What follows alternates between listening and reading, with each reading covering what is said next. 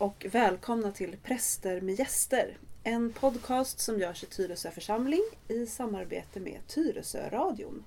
Vi som gör den här podden heter Rebecka. och jag, Anna-Fia. Och vi är präster här i Tyresö församling. Präster med gäster är en podcast där vi två, Rebecka och jag, eh, tillsammans med en gäst pratar och utforskar ja, teologi, livet, tron, politik. Ja, det som kommer upp i mötet med vår gäst helt enkelt. Och vår gäst är kanske inte alltid i livet och eh, ganska sällan fysiskt närvarande här tillsammans med oss. Det kan alltså vara en historisk person eller en levande person som vi är nyfikna på och som vi har satt oss i förbindelse med kan man väl säga. Rebecka och jag gör den här podden för att vi har en andlig längtan och vill försöka förstå vad meningen med allt är. Och det hoppas vi att du också har. Och med det sagt så tycker jag att vi kör igång.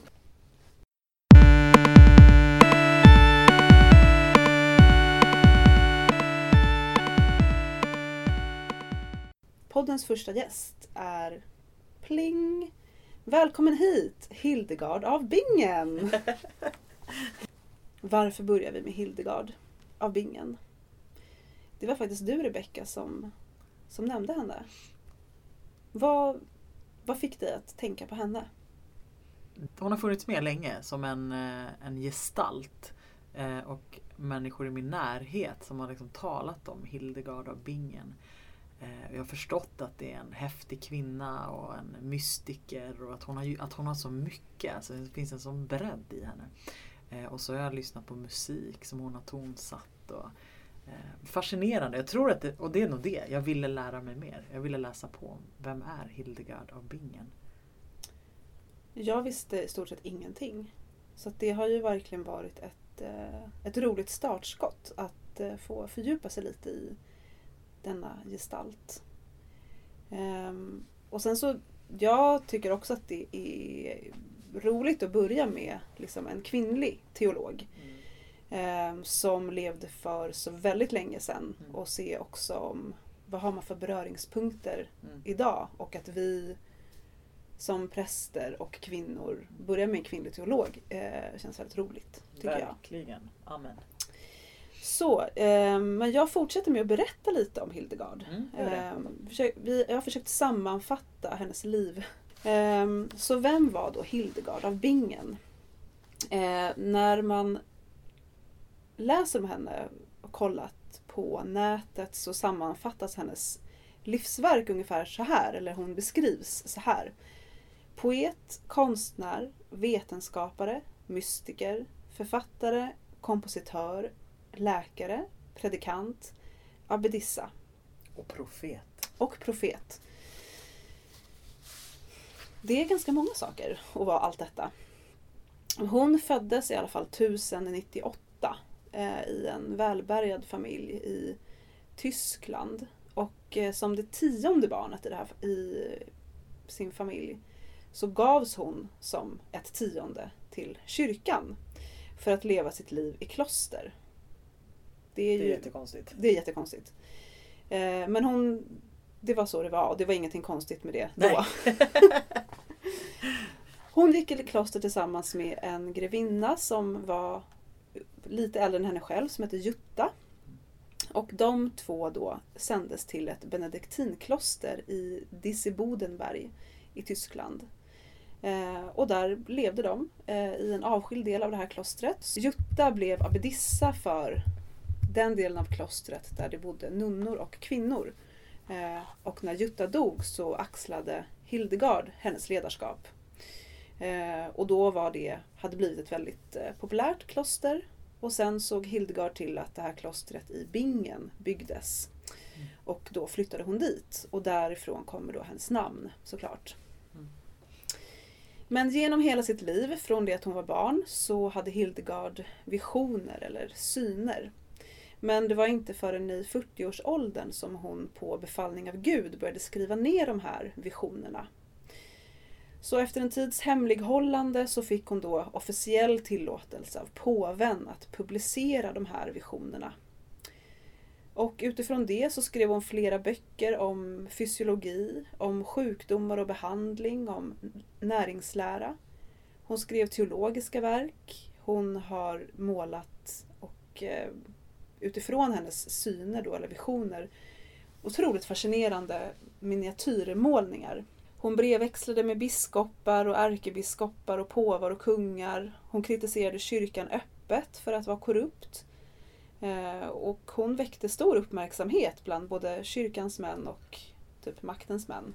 Det är fascinerande att hon inte blev avrättad. Verkligen.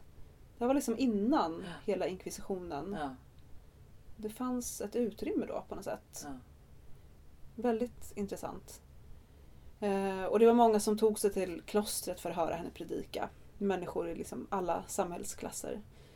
Hon skrev musik, hon skrev opera eh, och hon dog sen 1179. Då var hon 81 Jag tänkte säga hon år. blev gammal också för Mm. sin tid. Mm.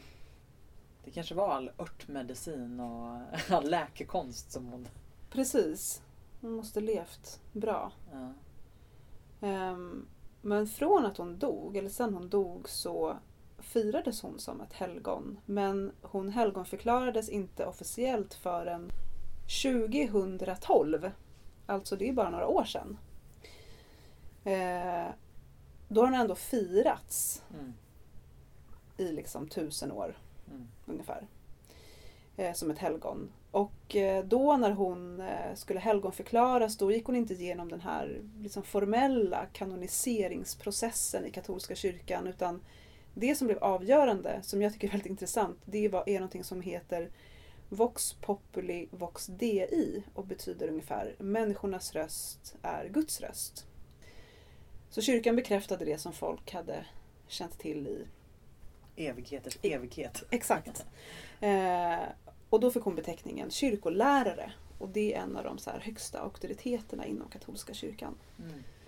Så eh, någon slags upprättelse. Kanske lite sent men Lite sent. Men ändå.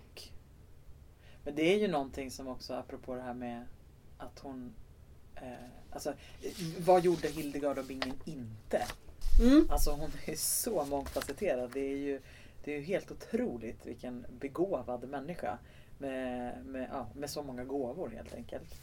Men, men att hon också är, alltså på den tiden, ja, men som jag sa, alltså att hon inte blev avrättad med tanke på vad hon faktiskt vågade uttrycka och vad hon stod för. Och, Mm.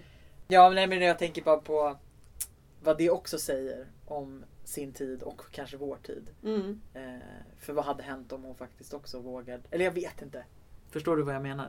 Jag tror det. Jag tycker också det är intressant att tänka att det finns eh, inga människor som är på det sättet idag. Nej. Eller väldigt få. Jag, jag vet inte, jag känner inte till någon levande person som är alla de här sakerna som man skriver att hon var. Liksom, läkare och teolog. Hon var musiker och poet och konstnär och, eh, och allt detta. Mm.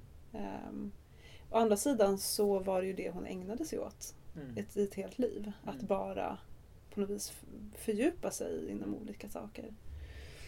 Ehm, idag är vi upptagna med annat i Mm. livet. Mm.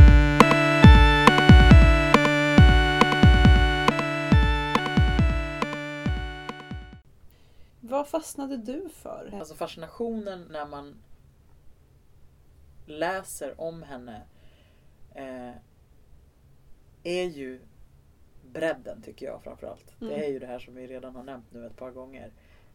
Allt hon gjorde, allt hon förmådde och allt hon brann för. Eh, och att hon var i så eh, stark förbindelse med skapelsen. Eh, och hennes eh, ja, men förbindelse med Gud, med det vi kallar Gud. Att hon verkligen kände att hon hade ett uppdrag på jorden. Så tydligt. Ehm, alltså hon måste varit så engagerad. Eh, och samtidigt så tänker jag att hon Jag läste mycket om att, eller läste mycket men jag läste att hon hade Att hon hade jättemycket smärtor. Liksom både fysiskt men kanske också psykiskt. Liksom.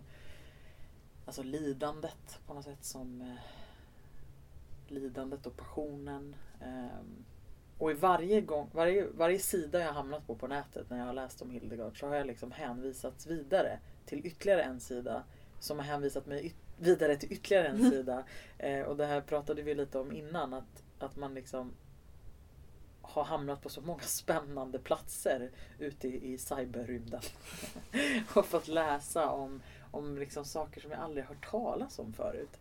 Eh, och då fastnade jag vid, vid Hildegards, eftersom hon var så mycket då, hennes sätt att, alltså med hennes konstnärskap. Mm.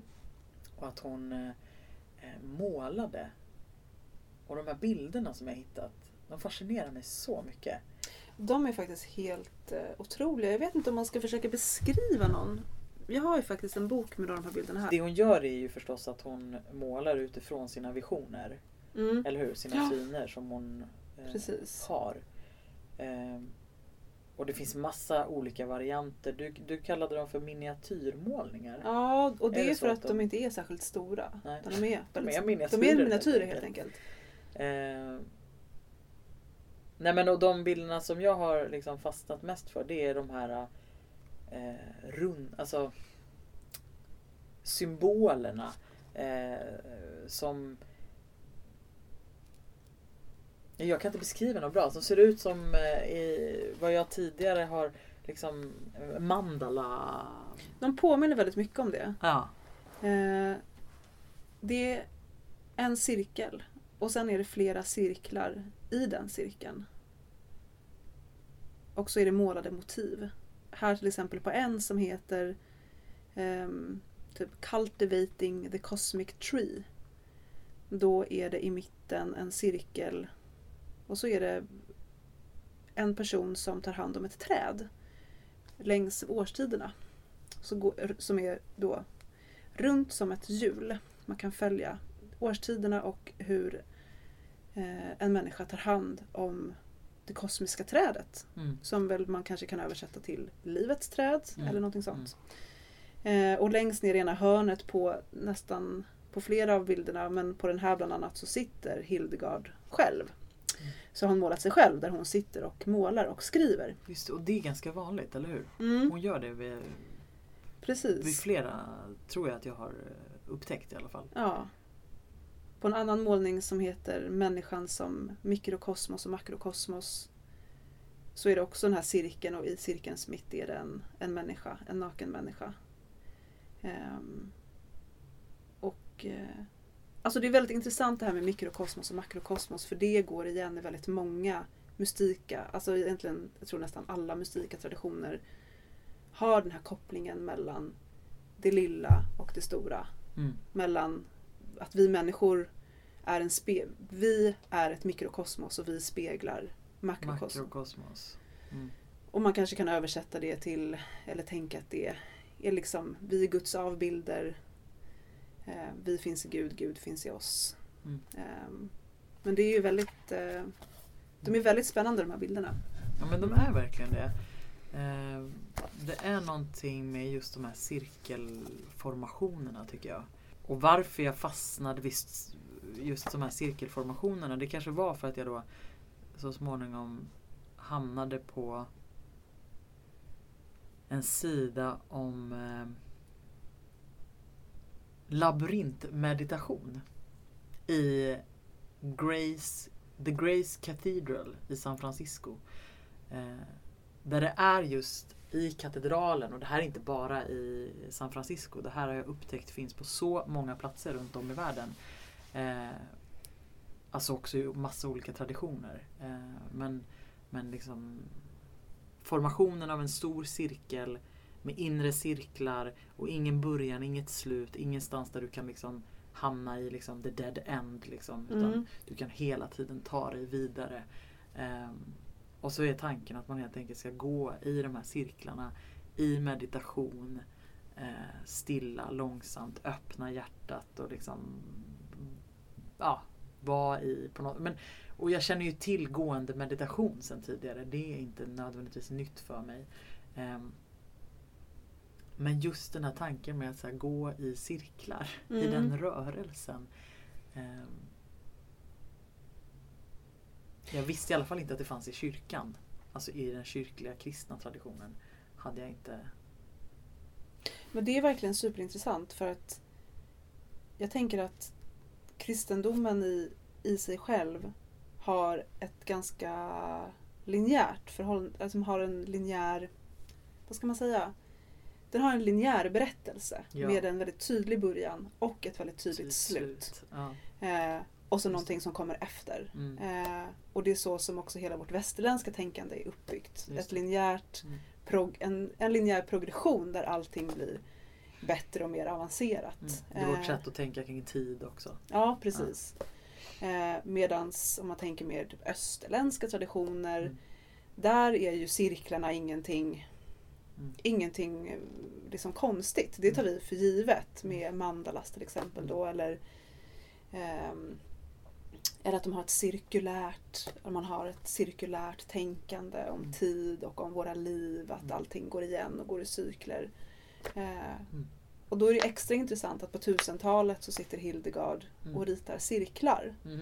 Ehm, och ser livet egentligen Mm. och skapelsen som Som Precis, i en den, helhet. den formationen. ja. Och det känns så rätt, mm, tycker jag. Alltså det, jag känner direkt att bara ja, liksom jag slungas in i det och känner ja men det här, det här, eh, det här förstår jag, jag greppar. Det, det blir... Eh, därför att det talar också om en... Eh, eh, det blir en bild för någonting som är ständigt närvarande.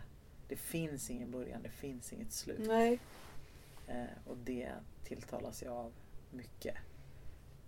Och bara, jag ska inte fastna med de här labyrintmeditationerna. det verkar så Eh, spännande. Men det är väldigt spännande. Alltså, för att det fanns en hel rörelse kring det här. Så jag liksom länkades vidare till någonstans där du kunde fylla i din, din, ditt postnummer, visserligen i USA, men så liksom direkt kastades du till var närmsta labyrintmeditation fanns. Om det så var i någon kyrka i närheten eller om det var i någon, någons privata trädgård. eller om det var på någon retreat eh, meditationplats eller så.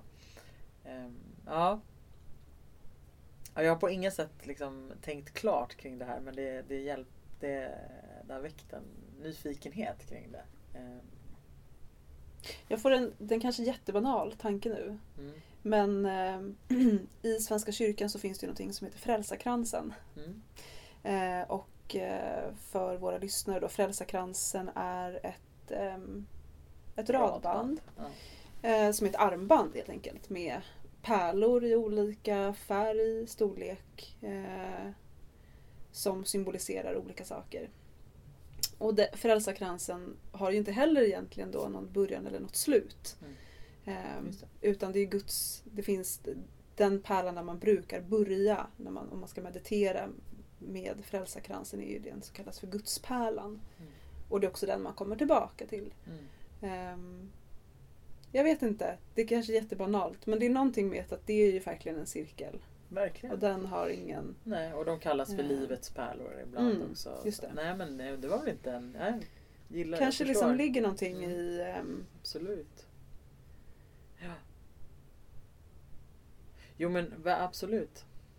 Jag vet inte vart jag ville komma. Kanske att det finns... Nej men det är ju överlag. Jag tänker, alltså jag menar nu, kan jag, nu sätter jag igång, nu, nu, nu bara går ju tankarna loss på cirklar.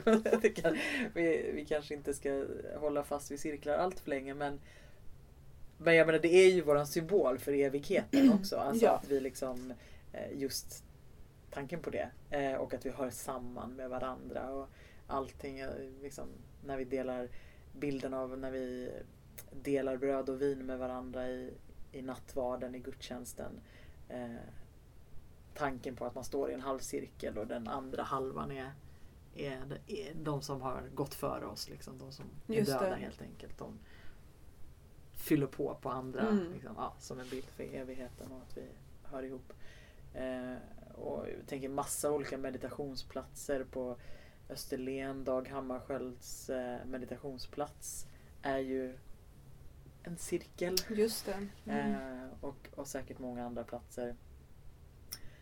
Eh, Inte minst den keltiska traditionen Mm. är det ju jättemycket också. Ja, Precis, men det tillhör ju liksom inte ändå tänker jag, det som konventionella, när man tänker på kristen tro så, tänk, så ser man ju ett kors och typ inte en cirkel framför sig. Nej. Eh, sen finns ju kors i en cirkel och så. Men, eh, men det är ändå inte, men jag tänker att det säger någonting om, eh, om oss ändå. Den finns ändå där, cirkeln. Ehm, Ja. och helheten. Liksom. Ja. Att vi ingår i den helheten. Ja, Eh, vi är liksom inte på en linje. precis. Jorden är rund och inte ja, ett streck. det blev jättedåligt bild. Men jorden är inte platt då. jorden är inte rund. Nej, jorden är rund. Den är inte ett streck. Kan klippa det.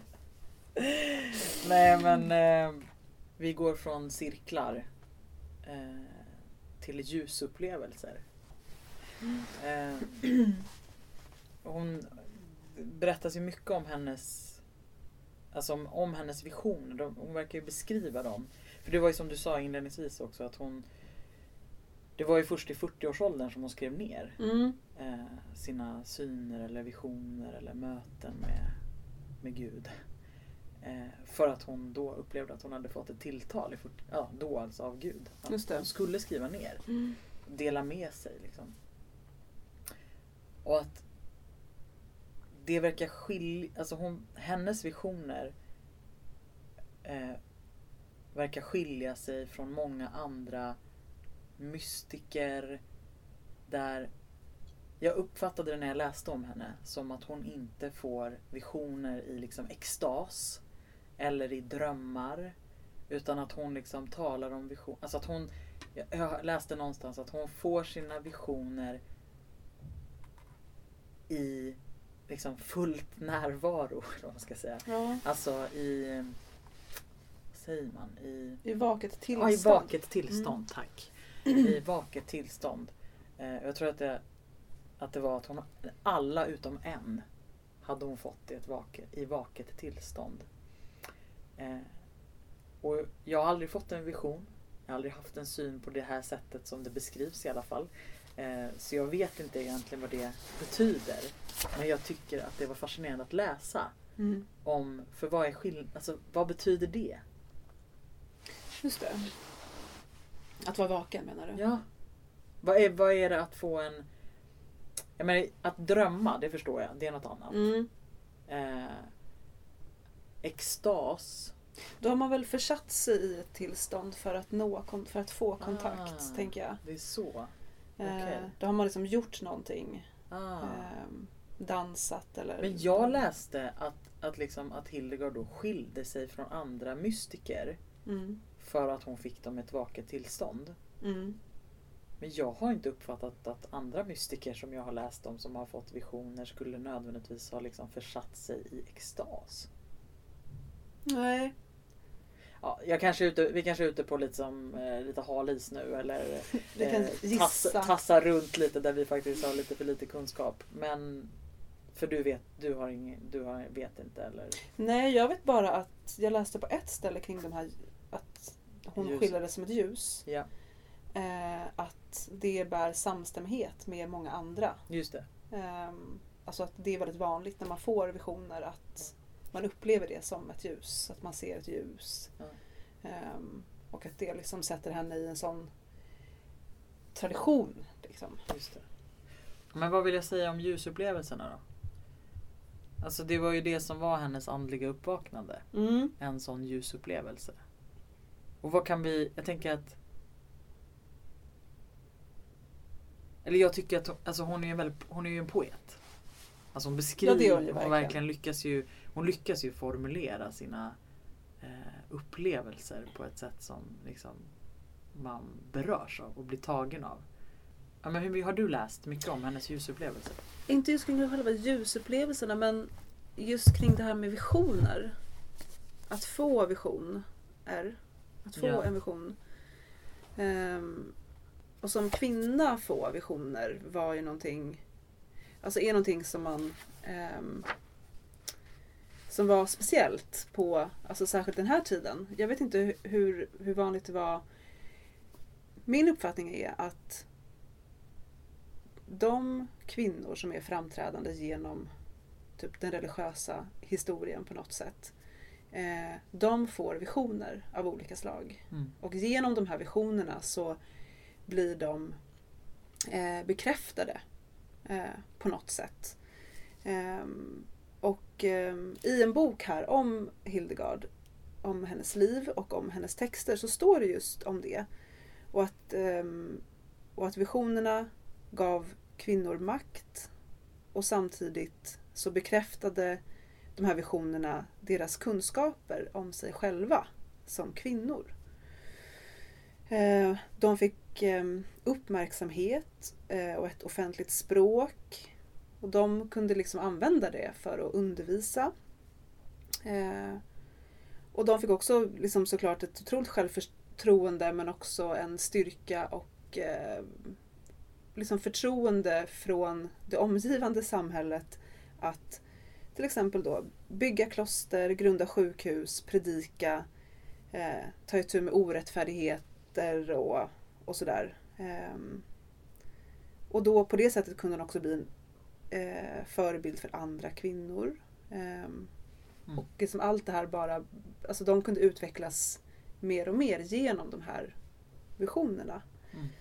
Ehm, och det här, beskriver ganska, det här är en ganska bra beskrivning av faktiskt vem Hildegard Mm. vad visionerna liksom gjorde för henne. Även om hon var abbedissa för klostret redan innan hon fick sina visioner.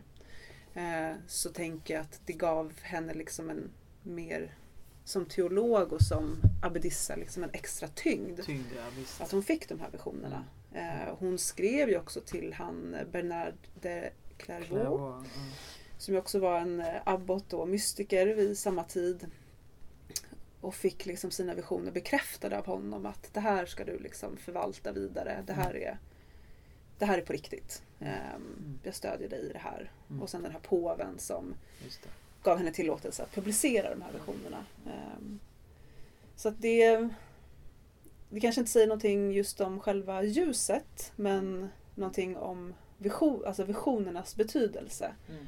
Alltså för henne och Mm. ja, andra liksom verksamma mystiker men Och i synnerhet kvinnor. fram- kvinnor, ja. Mm. Jo men precis. Men och, och att, att många av dem eh, eh, Att många andra De kanske skilde sig för, från de andra kvinnliga mystikerna.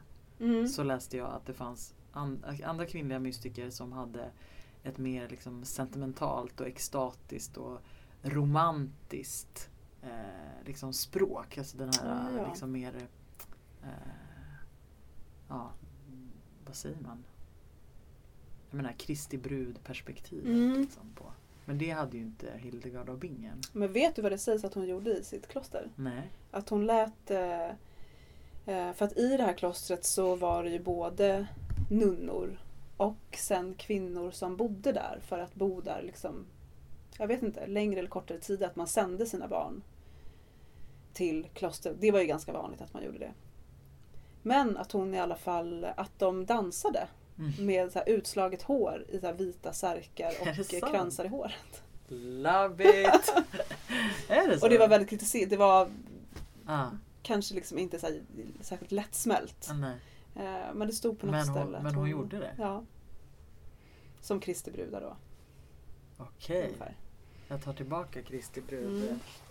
Ja, ja, wow. Ja, men alltså vem, vem var hon? Ja, vem var hon? Många också kallar henne för profet. Att Mm. hon hade verkligen ett budskap. Eh, som inte nödvändigtvis bara sträckte sig till sin liksom, samtid. Utan är någonting som är riktat liksom, till Eftervärld. eftervärlden. Precis. Eh, Jag kan inte läsa upp någonting sånt. Jo, jag ska läsa ett. Hildegard säger att om vi insåg vår gudomlighet så skulle vi kanske ge upp vår stora girighet som är upphovet till förgiftning av luften, nedsmutsning av sjöar och hav, utarmningen av jorden och förödelsen av skogarna. Hon skriver att Gud gett skapelsen till mänskligheten för användning. Men om detta privilegium missbrukas tillåter Guds rättvisa att skapelsen straffar mänskligheten. Om vi fortsätter att leva som om endast materiella ägodelar och yttre framgång är det enda väsentliga kan säkert varningen från Hildegard ha sitt berättigande. Hennes ord lyder, nu är det citat ifrån Hildegard alltså. Jag skriver detta inte för vår tid utan för tiden då luften inte går att andas och vattnet inte går att dricka. Då behöver ni mina råd. Tack Hildegard. Tack Hildegard. Det är liksom miljö, miljöaspekt och... Ja, och liksom vilken luft var förorenad på 1000-talet? Exakt. Vilke, vilken utarmning av jorden höll vi på med? Ungefär noll. Då behöver ni mina råd. Jag skulle säga då nu. Ja, behöver vi hennes exakt. råd. Men vilka var hennes råd, tro? Nej men, nej, men Mm. jag, jag tänker att det direkt... Eh, det, det är ju... Alltså som hon ser en sån tydlig... Alltså hon säger att om vi skulle förstå våran koppling till liksom det gudomliga helt enkelt. Att vi, att vi hör ihop med Gud och skapelsen. Då skulle vi inte förorena jorden som vi gör. Nej. Eller liksom, alltså så rå, ja, hon kanske har också massa konkreta råd. eh, ingen aning. De har jag inte läst. För att vi ser ju oss själva som härskare över jorden. Och att vi inte är någon...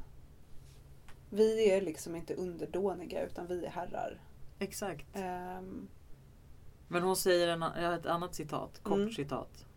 Du måste leva i samklang med ditt innersta väsen, med dina medmänniskor och naturen. Det är något annat. mm, Alltså att leva i samklang är ju något annat än att härska. ja, Eh, Men det finns ju också jättemycket i den kristna traditionen och i hur vi har fått eh, lära oss att vi ska härska. mm. Eh, Men det verkar människor tolka som att vi ska förstöra. Men det tycker jag är intressant för att det, jag undrar om det, jag tänker att det hänger ihop med också att hon är kvinna och säger det här. Ja.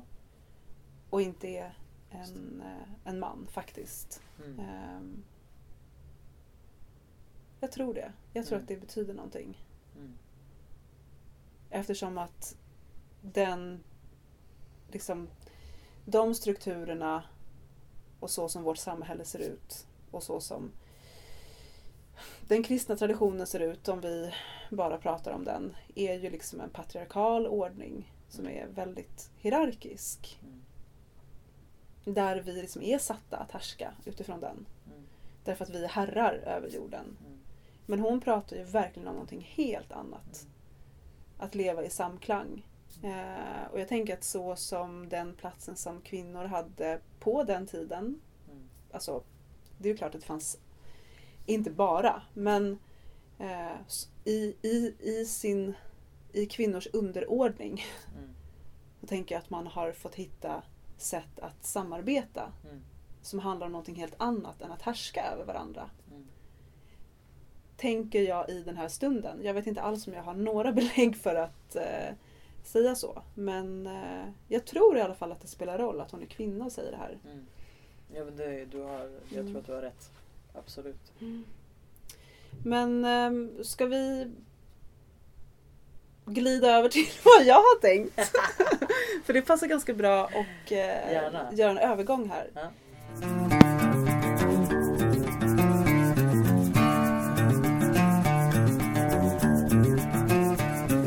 Jag fastnade för eller det, jag bestämde mig för att fasta för någonting för att eh, hon är så omfattande. Ja. Ehm, och då så hittade jag någon artikel som beskrev hennes ehm, gudsbild. Eller några av hennes gudsbilder. Hon hade säkert många fler än de här såklart. Som jag läste. Men det var liksom citat från hennes visioner. Ehm, och utifrån det så funderade jag på ja, men liksom de gudsbilderna som hon beskriver och vilka gudsbilder, vad säger det om mina gudsbilder? Vad hände i mig när jag läste de här? Mm. Eh, och då tänkte jag att jag ska läsa faktiskt. Jag har, jag har försökt översätta från engelska och från början ska man faktiskt säga att hon skrev på latin. Ja. Och det är tydligen väldigt svårt att översätta latin. Det är inte helt självklart. Det är väldigt långa meningar och sådär. Men så att min översättning Det, den kanske är också bristfällig, men i vilket fall som helst. I en vision, jag ska läsa två stycken, eh, så säger hon så här. Jag såg bilden av en kvinna och i hennes hjärta stod Abraham och i hennes bröst stod Moses och i hennes livmoder resten av profeterna. Var och en visade sina symboler och beundrade kyrkans skönhet. Hon var stor i storleken, som ett stadstorn, och på hennes huvud hade hon en ring som sken som gryningen. Den andra lyder så här. och jag såg bilden av en kvinna som hade en perfekt mänsklig form i sin livmoder. Och se, genom den övernaturliga skaparens hemliga mönster rörde sig formen med livliga rörelser. Ett glödande klot som inte hade några mänskliga drag ägde eller besatt formens hjärta och rörde dess hjärna och spred sig genom alla dess lemmar. Det här är några utdrag då. Och artikeln handlade om då Hildegards liksom beskrivning av det gudomligt kvinnliga, eller det då som på engelska kallas för sacred eller divine feminine. Eh, men be, gudsbilder, beskrivningar av det gudomliga. Eh, och det jag liksom fastnar för, förutom att språket är någonting helt annat Mm. än vad jag har läst kopplat till gudsbilder. Det är att det är så levande och, och rörligt. Och att hon att det är ett helt annat språk. Och kroppsligt. Och väldigt, väldigt kroppsligt. Ja. Eh, och när liksom, för att jag fick sitta och läsa de här flera gånger. För att förstå vad det ens var jag läste. Ja. Och sen så, satt, och sen så fun- tänkte jag så här att i en så lång patriarkal tradition som kristendomen ju är, där männen har liksom ja, men som bestämt villkoren för riterna, för teologin, eh, vilka böcker som ska vara med i Bibeln ja, och det mesta andra. Då är det så otroligt befriande att läsa någonting som är så långt från de här konventionella bilderna och det konventionella liksom, kristna språket. Mm. Och då är ändå det här ett språk som är liksom tusen år gammalt. Mm. typ. Och för att det liksom också öppnar upp fler bilder av vad det gudomliga är och vad det gudomliga kan vara och hur vi kan både uppfatta och uppleva det. Ehm, och jag tänker att det hör ihop med de här cirklarna. Alltså det, Mm, det är också någonting annat. Mm. Det är som en an, andra bilder. Ehm, och, ehm, och man kan väl säga så här att i liksom den tidiga ehm, eller om man liksom ska måla med väldigt breda historiska penseldrag så var det ju en stor gudinnetradition som manövrerades ut när den monoteistiska religionen liksom Mm. gjorde sitt intåg eh, till det som sen blev det som vi känner som judendom till exempel. Ehm, men det är ju inte så att det liksom är helt utraderat. Spåren finns ju även liksom i vår bibel. Ehm, till exempel i Jesaja står det så här. Glömmer en kvinna sitt lilla barn bryr hon sig inte om den hon själv har fött. Och även om hon skulle glömma glömmer jag aldrig dig.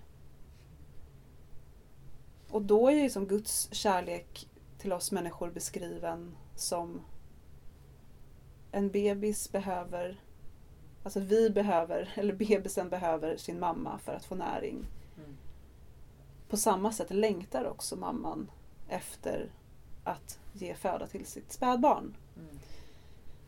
Och då blir relationen mellan Gud och människa väldigt intim plötsligt. Mm.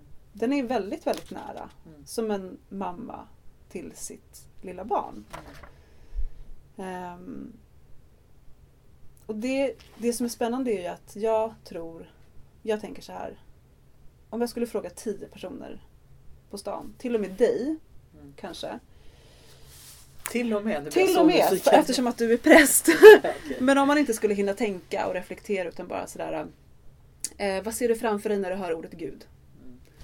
Så skulle även jag säga att det är en man. Mm. Och så skulle komma tillägget att den här mannen har skägg Mm. och att mannen befinner sig på ett moln. Och att det såklart är en vit man som också ligger på det här molnet. Med Ehm, vitt skägg. Med vitt skägg. Jag menar hur många ser en kvinna framför sig med en genomlyst livmoder där det Nej. finns liksom en människa Mm. eller ett barn? Nej, det är ju inte det första man ser. Det är det ju inte. Nej. Men det är väldigt häftigt att arbeta med, med, sin, eh, med sina första tankar på Mm. något sätt. Alltså att eh, konstruera dem. Alltså se till så att okej, om det nu var en man med skägg jag ser, Mm. ändra om. Bli kvinnan som är gravid med en genomlyst mage. Mm. Exakt. ja men man kan ju faktiskt bestämma sig Ja. för vad man ska ha som Alltså för jag menar gudsbilder Det har vi ju Med all säkerhet massor av olika bilder eh, Och de finns massor av olika bilder representerade i vår tradition och ja, men etc. etc. Eh, men vad som just är den där första gudsbilden För den behöver ju inte nödvändigtvis säga så mycket om min djupaste gudsbild Nej. Men den säger ju någonting om mitt sammanhang Mm. eh, och ja, kontext. Och det kan man ju faktiskt bestämma sig för. Ja men exakt. För det var det var det jag insåg också när jag läste de här visionerna. Och på ett sätt först var sådär ja, men att det, jag kände det som väldigt främmande. mm, Och då blev jag liksom lite arg därför jag tänker så här, men jag har ju själv en livmoder. mm. Alltså, och här du sitter här och är höggravid. Ja, dessutom. Vilket är väldigt fint att tänka på när vi nu pratar om det här. Jag satt när du berättade om visionerna Ja. så såg jag bara din livmoder framför mig. Men och då så satt jag och tänkte vidare på den här liksom bilden med gubben på molnet. Eh, och då, det jag ser framför mig väldigt tydligt är den här målningen i Sixtinska kapellet som kallas för Adams födelse. Och den har väl säkert fått ge bild åt, åt den här bilden. Och många andra såklart. Men där ligger ju Gud på ett moln. Med en utsträckt arm och ett utsträckt finger. Liksom naken i stort sett. Och det här fingret och sin arm så sträcker han det mot Adam. Mm. Som ligger på en klippa. Och som också har sin arm utsträckt och sitt finger utsträckt. Och så nuddar de. Man förstår att i nästa andetag så kommer Gud att röra vid Adams finger och då får han liv. Mm. Och så insåg jag, även om jag är otroligt imponerad av den här målningen. Det är liksom en en favoritmålning. Så säger den här gudsbilden mig absolut ingenting känslomässigt. Nej. Den ger mig liksom ingenting Mm. i kroppen. Eh, och bara den skillnaden att Gud liksom petar, han ska peta på Adam. Mm.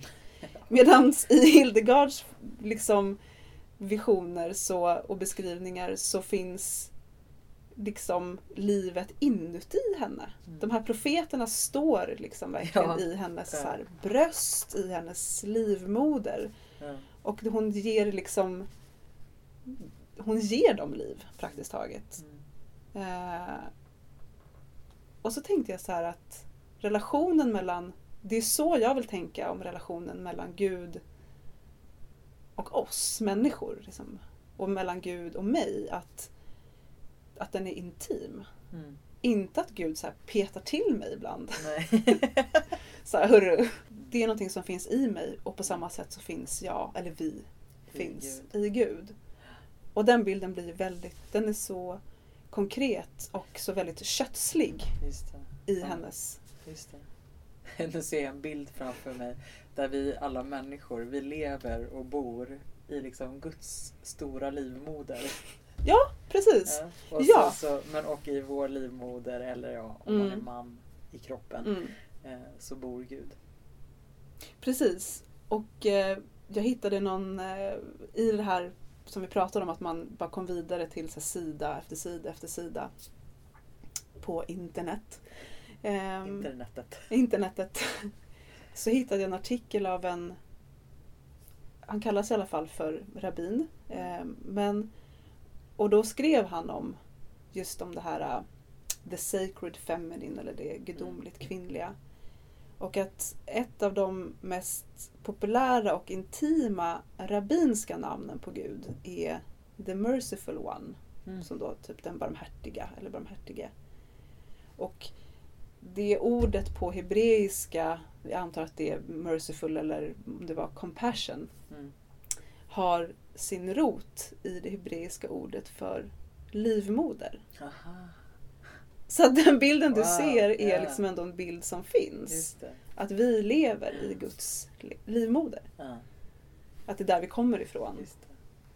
Ehm, och om man, det är liksom där som livet blir mystiskt, det blir till Mm.